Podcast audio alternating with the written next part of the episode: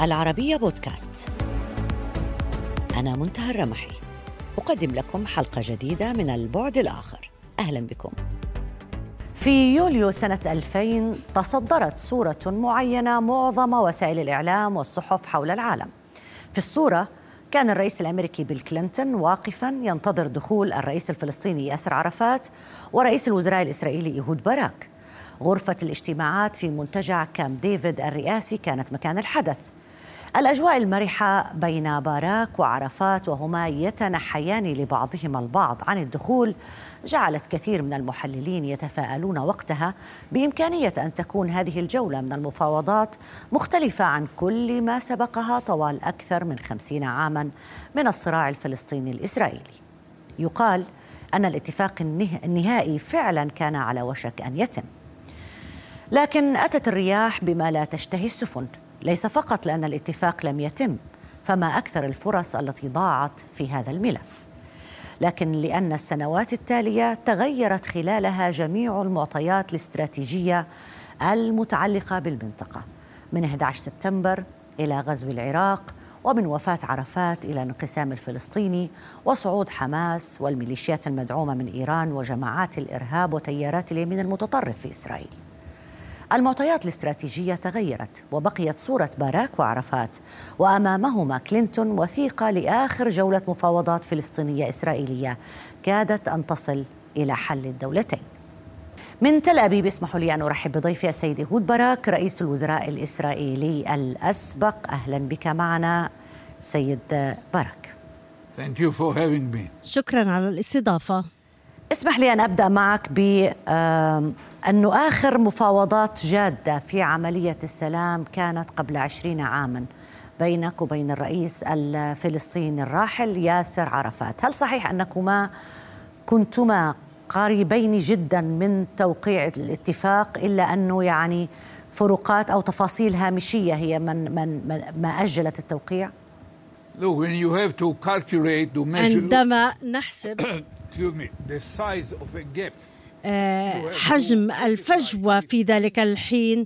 نضرب آه، عرضها بعمقها وربما كنا قريبين جدا في بعض النواحي لكنها كانت عميقة. لكن في نهاية المفاوضات أنا وكلينتون وضعنا أمام عرفات عرضا يغطي نحو 90% من الأشياء التي كان يمكن أن يحلم بها.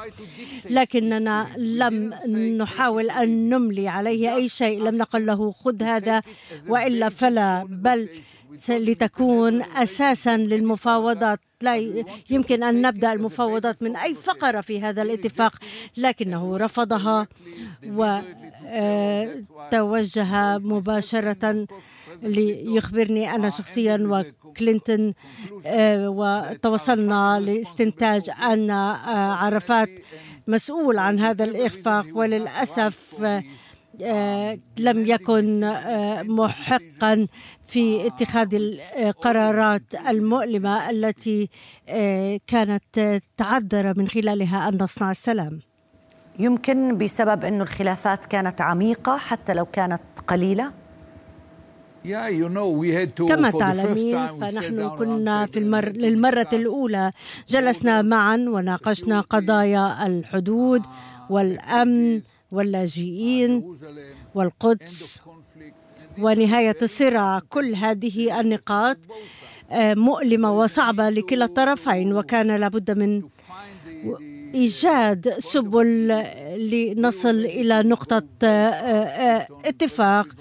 كنا مستعدين لأن نخوض في النقاش وكلينتون قال لعرفات أنك لن تجد رئيس وزراء إسرائيلي يمكن أن يصل معك إلى هذا الحد. بالطبع لا يمكن أن أتخلى عن المتطلبات الأمنية آه، والمصالح الإسرائيلية لكن ما عرض لم يكن شيء يملى على الجانب الفلسطيني بل كان مقترحا وهذا المقترح كان كأساس للمفاوضات المستقبلية. لنبدأ آه، المفاوضات على هذه الأسس. ولاحقا اقترح كلينتون بعد أن قبل أن يغادر البيت الأبيض هذه النقاط. علي لدينا تحفظات وكان لدينا عشر صفحات من التحفظات. لكن مع هذه التحفظات اتفقنا على هذه المسائل مع كلينتون لكنه لم يتمكن من الحصول على إجابة من عرفات. آه، وبالتالي آه، لا أدري ماذا كان يرى عرفات كان يرى نفسه مقاتلا ثوريا آه، و وكان يؤمن بأن الأمم ستبنى على الدم وليس على التفاوض وربما أراد أن يدخل ليدخل في مفاوضات حول الأمن والحدود وهذه تأتي مع تأسيس دولة وليس مجرد حركة. لا أستطيع أن أخترق الأمور في ذلك الحين إلا أنه رفض هذا المقترح الذي كان سخيا سخيا بحيث يكون أساسا للمفاوضات لكنه عمدا رفضه وأجل المسألة لعدة سنوات تالية. الذي حصل حصل. بعد فشل كام ديفيد بقليل تغير كل شيء. مات عرفات وحدث الانقسام الفلسطيني صعدت حماس آه، صعد اليمين الإسرائيلي بشكل ملحوظ في داخل إسرائيل. آه، من يتحمل مسؤولية أن المفاوضات بحد ذاتها؟ المفاوضات لمجرد المفاوضات أصبحت الهدف الآن. I'm not sure that I fully got your question but let I'll try to answer it. سأحاول أن أجيب على uh, السؤال. uh, بالنسبة للمسؤولية مسؤولية على الإخفاقات قبل 21 سنة كانت مسؤولية عرفات ومنذ ذلك الحين كان هناك كثير من العنف وكثير من التطورات كما وصفت بوصول آه، حماس للسلطة والانقسام بين رام الله وغزة. ولا أستطيع أن أصدر أحكاما ربما نحن نؤمن في إسرائيل قد يكون المسؤول هو الجانب الفلسطيني قد تكون حماس أو غيرهم. وربما آه، آخرون قد يجدون المسؤولية آه، على عاتق أمريكا لعدم وضعها الثقل اللازم والبعض يلوم إسرائيل. لا أعتقد أن مسألة تحديد المسؤولية آه، لا أعتقد أنها هي المهمة بل هي التركيز على المستقبل وفي النهاية علينا أن نصل إلى حل. وقلت يوما لعرفات أننا نحن مؤمنين لكن السماء لن تحل هذه القضية لابد من حلها على يد البشر. فال قيادة العالم العربي وأبو مازن والحكومة الإسرائيلية هم المسؤولين عن هذا الحل. أنا شخصيا أؤمن بأنه سيكون من الأفضل أن تقوم السلطة الفلسطينية آه، هي التي تتحمل المسؤولية لتجد نفسها في تحمل أيضا المسؤولية آه، عن غزة أيضا آه، آه، أما حماس التي تطلق صواريخها على إسرائيل ليس على الحدود بل أيضا على المدن الإسرائيلية. هذا ليس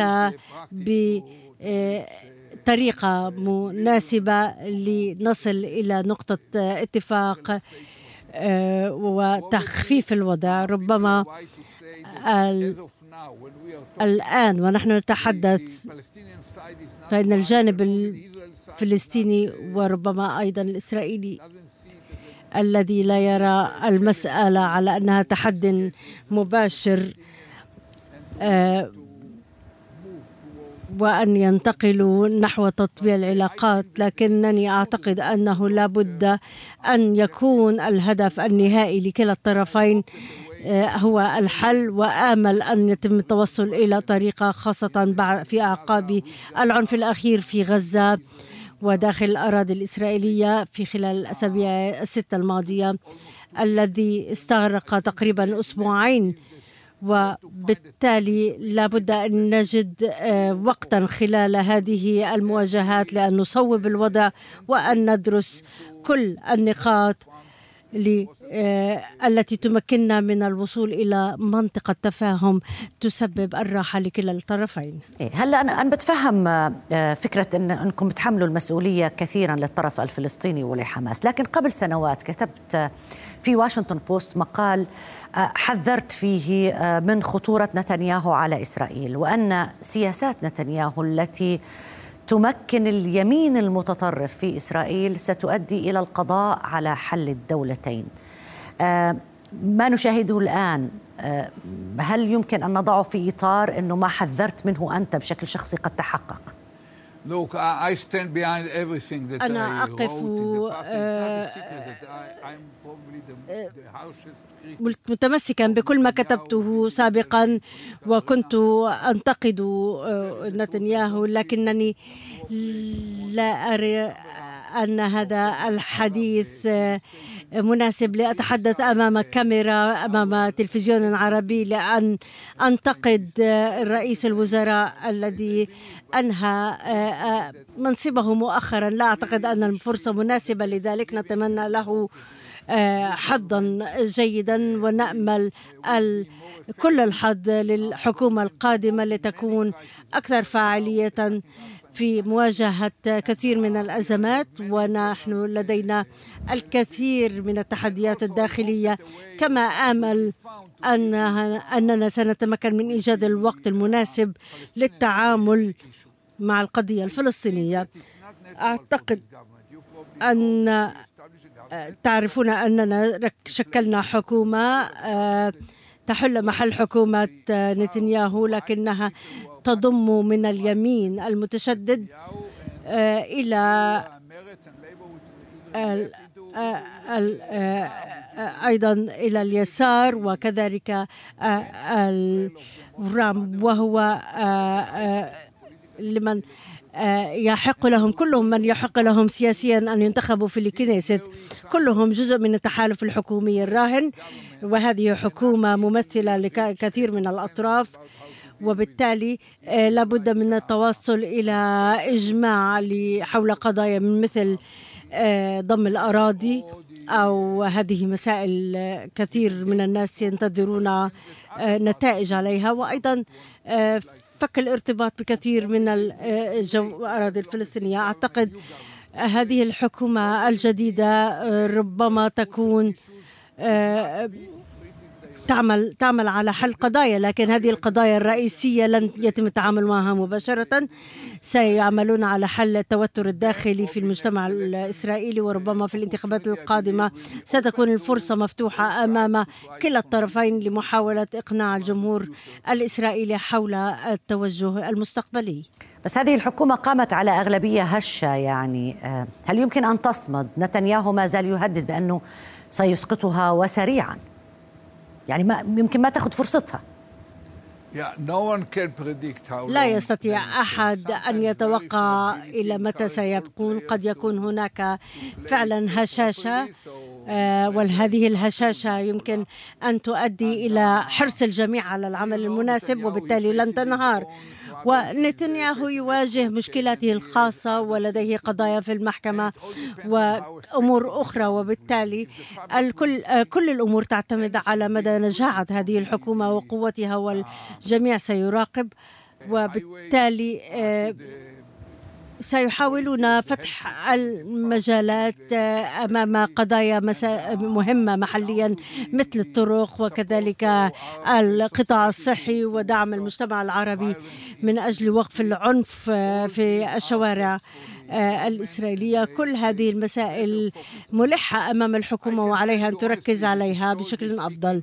هناك كثير من العقبات. إسرائيل ما زالت مختلفة ومعزولة في المنطقة ولدينا كثير من الأعداء الحقيقيين آه، مثل حماس وحزب الله وكذلك إيران. التي تهيمن على المنطقة ويجب أن لا نقلل من شأن أي طرف من هؤلاء.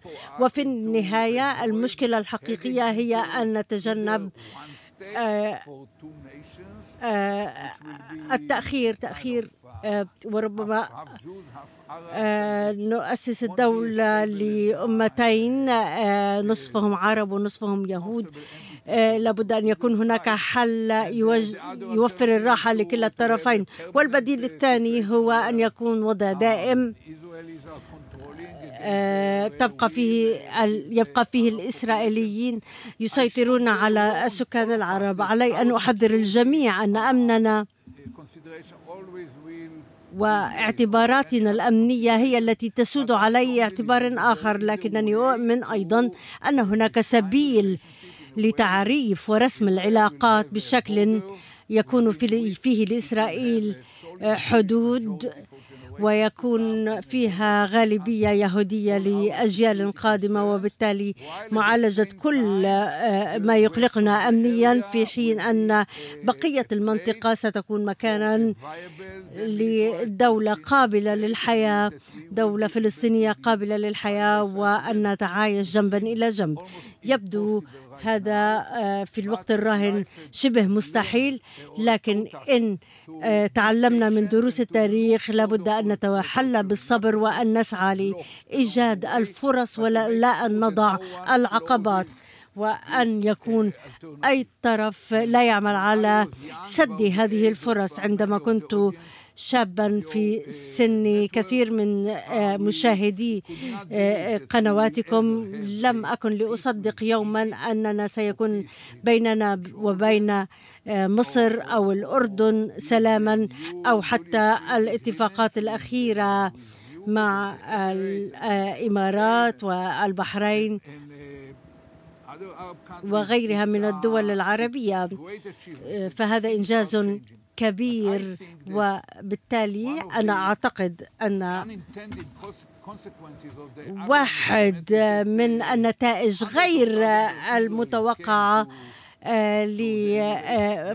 للاتفاقات الإبراهيمية أن كثير من الإسرائيليين زاروا آه، الإمارات آه، انبهروا بما آه، شاهدوا التزلج والأبراج والمناظر الخلابة لم يروا مثل ذلك لا بإسرائيل ولا بمنهاتن حتى في نيويورك. قدروا ذلك وأرى أن كثير من النتائج غير المقصودة لهذه الاتفاقات الإبراهيمية جعلت إسرائيل تقدر العرب كبشر مساوين لنا يمكن أن يكونوا على نفس القدر من النجاح. لم يعد ينظر لهم على أنهم وحشا ينتظروا لأن آه، يفتك بنا. وبعد زيارة الإمارات وما شاهدوه من إنجازات عربية هذا أعطاهم فرصة لأن يفكروا بالعرب بشكل آه، مغاير. وأن الفلسطيني في نابلس أو رام الله ليس بشخص آه، متخلف عنا كإنسان. ذكرت إيران سيد آه، باراك و حكومة نتنياهو كانت لها مواقف متشددة كثيرا فيما يتعلق بالملف النووي الإيراني. أي نوع من الضمانات التي ممكن لأنها آه، تجعل إسرائيل توافق أو ترضى بعقد اتفاق بين إيران ودول خمسة زائد واحد بناء على التهديدات الإيرانية في المنطقة ككل وتهديدات مباشرة لإسرائيل. You know, uh... كما تعلمون شاهدنا أن هناك عدم اتفاق بالاتفاق السابق الذي وقعه باراك أوباما في عام 2015 رأينا فيه آه، أمر غير مقبول لأن فيه فجوات كثيرة لم تغطي كثير من النقاط. لكنني آه، أعتقد أنه بمجرد ما تم توقيع تلك ذلك الاتفاق فإن الخروج منه آه، ليس بالأمر الجيد وبالتالي هم استغلوه. استغلوا هذا الخروج بشكل سلبي. آه، لابد من دراسة مقارنة ذلك الوضع بالوضع الراهن. اليوم آه، الإيرانيين أقرب إلى السلاح النووي وبالتالي فإنني أجد أن الطريق السليم هو آه، هو التفاوض مع الأمريكيين والتنسيق معهم وليس على الملأ بل وراء أبواب موصدة. لابد أن نناقش معهم كيف يمكن أن نحافظ على عدم امتلاك إيران للقوة النووية لأنها في ذلك الحين سيجعلهم خطيرين وبالتالي سيعطيهم سيعطي إيران أعني آه، ضمانات على أنه لا يمكن المساس بها وبالتالي يمكن أن توتر دول الجوار بشكل أكبر حتى أنتم وفي ودول الجوار في منطقتكم. وأعتقد أن هذا سيجبر تركيا ومصر وبالتأكيد السعودية لأن يتحولوا إلى دول نووية أيضا وهذا ليس بمستقبل جيد للشرق الأوسط. وأعتقد أن الأمريكيين يفهمون ذلك والسعودية والإمارات يدركون أن هذا سيكون سيئا. علينا التنسيق. حول كيفية تبادل المعلومات الاستخباراتية وأن نفهم ما يحدث في إيران وكيف نحكم إن حاولوا أن يتوصلوا إلى آه، آه، امتلاك السلاح وكيف يمكن أن آه، نتوصل إلى اتفاق في سيناريوهات مختلفة. هذا هو الطريق الأمثل وليس بمناسب أن نواصل المجادلة فالاتفاق الجديد إن كان سيجلب ما عرض في الاتفاق السابق فهذا ليس جيد لكنه ليس الأسوأ. الأسوأ هو عدم وجود اتفاق على الإطلاق. آه شكرا جزيلا لك على التواجد معنا. ضيفنا من تل أبيب السيد إيهود باراك رئيس الوزراء الإسرائيلي الأسبق. ألف شكر. حكومة جديدة في إسرائيل يقودها رئيس وزراء من أقصى اليمين ويشارك في ائتلافها الحاكم لأول مرة. في تاريخ إسرائيل حزب عربي له توجهات إسلامية. كيف ينظر المواطنون العرب في إسرائيل إلى هذا التطور وما تأثيره على حياتهم اليومية وعلى فرص السلام في الفترة المقبلة؟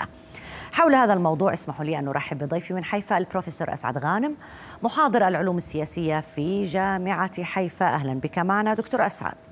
أهلا وسهلا شكرا.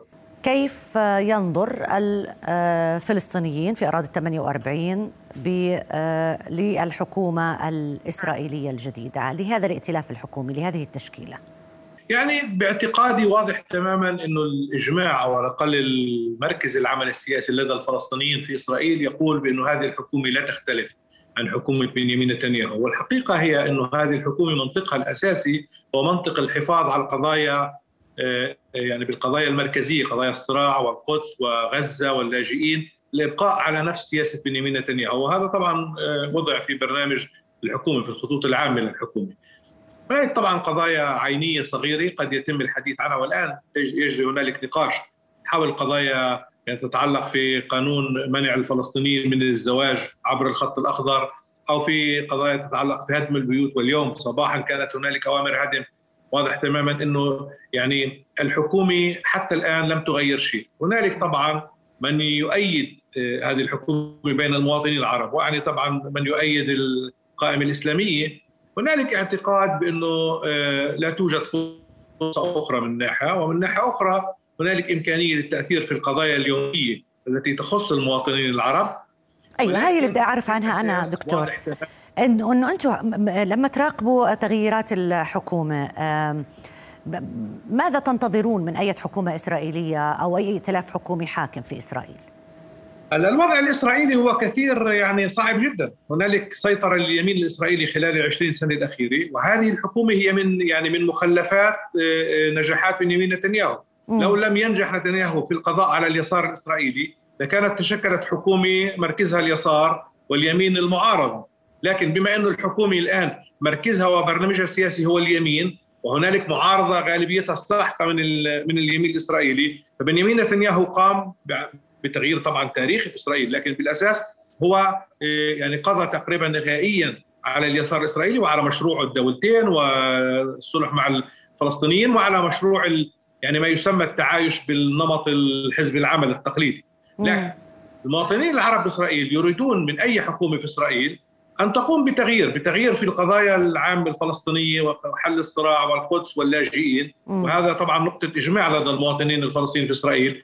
ويريدون حل قضاياهم اليومية. هلأ بما أن الحكومة الإسرائيلية الحالية والتي طبعا سبقتها هي حكومات يمنيه قامت بسن قوانين قامت بإجراءات عينية ضد المواطنين العرب واضح تماما إنه المزاج العام لدى المواطنين العرب هو ضد هذه الحكومة ولا يثق بهذه الحكومة ومن يؤيد هذه الحكومة. وأنا بحكي اجمالا هذا طبعا لا يلغي ابدا أنه هنالك لدى المواطنين العرب تيارات سياسية ارتبطت بالأحزاب الصهيونية.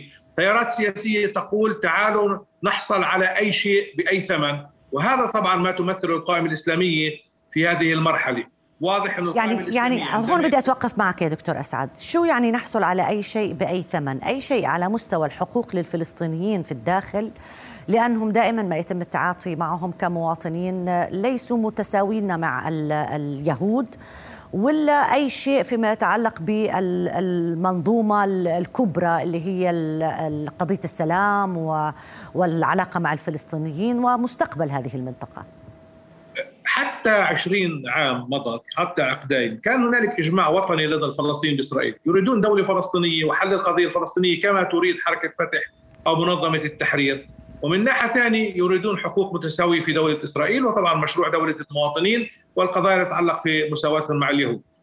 المش... الإشكال الأساسي في الحركة الإسلامية الجنوبية إنها ذهبت بعيدا حتى عن مشروع الفلسطينيين بال 48 البراغماتي إلى حد بعيد. يعني الفلسطينيين بال 48 لديهم إجماع بقبول دولة إسرائيل بقبول المواطن لكن هنالك إصرار على المساواة الكاملة. عندما دخلت الحركة الإسلامية وهي أول مرة على فكرة حزب عربي كانت هنالك قوائم عربية في الخمسينات والستينات القرن الماضي دخلت آه، مع مباي لأنها مباي هي من أقامت القوائم العربية. لأن نحن نتحدث عن حزب كان قبل حوالي سنة آه، يعني جزء من القائمة المشتركة. كان على الأقل شكليا يتبنى الخطاب الوطني لل 48 اللي هو طبعا لا يتحدث لا عن تحرير فلسطين التاريخية ولا عن المقاومة المسلحة. يتحدث عن حق الفلسطينيين بال 48 أن يحصلوا نسبيا على حقوقهم من دولة إسرائيل في قضايا توزيع المال.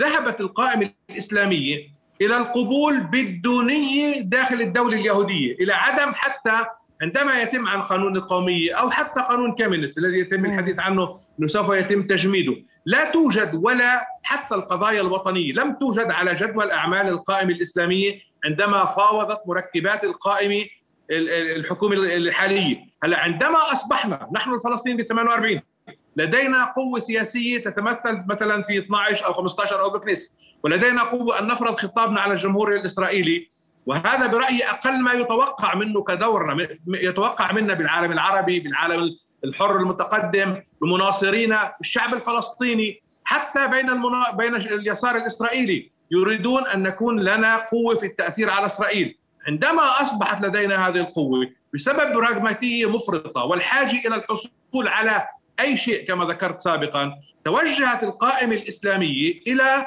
يعني آه، عمل سياسي غير مسبوق بقبول الوضع القائم بما في ذلك في القضايا الكبرى والقضايا الصغرى أيوة. عندما يتم الحديث عن قضايا المواطنين العرب القائمة الإسلامية تقول بأنها تريد أن تخدمها عندما يتم الحديث مثلا عن خمسة مليارات شيكل سنويا. خمسة مليارات هي 1.3 من ميزانية دولة إسرائيل. إحنا 20% من دولة إسرائيل. ما فيها عدل ولا فيها مساواة.